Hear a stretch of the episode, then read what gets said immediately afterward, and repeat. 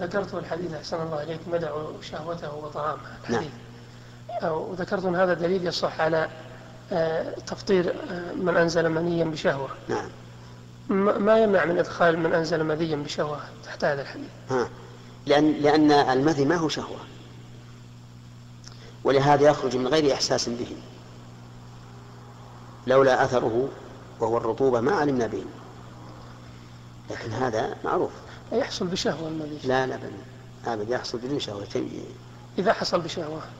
صار مني إذا كان يخرج دفقا فهو مني هم ذكروا أحسن الله عليك أنه قد يقبل وينزل مذي إيه هذا هذا معناه إن أنه حصل المذي. أنا هذا معروف. هو لابد لابد فيه من شهوة لكن هو نفسه ليس بشهوة. ما تجد لذة عند خروجه.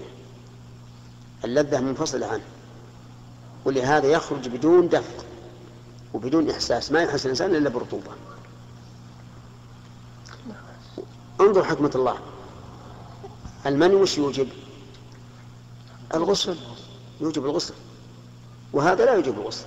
لأن بينهم فرق هذا ما يخلخل البدن ولا يتأثر به البدن اللي هو المذي بخلاف المني.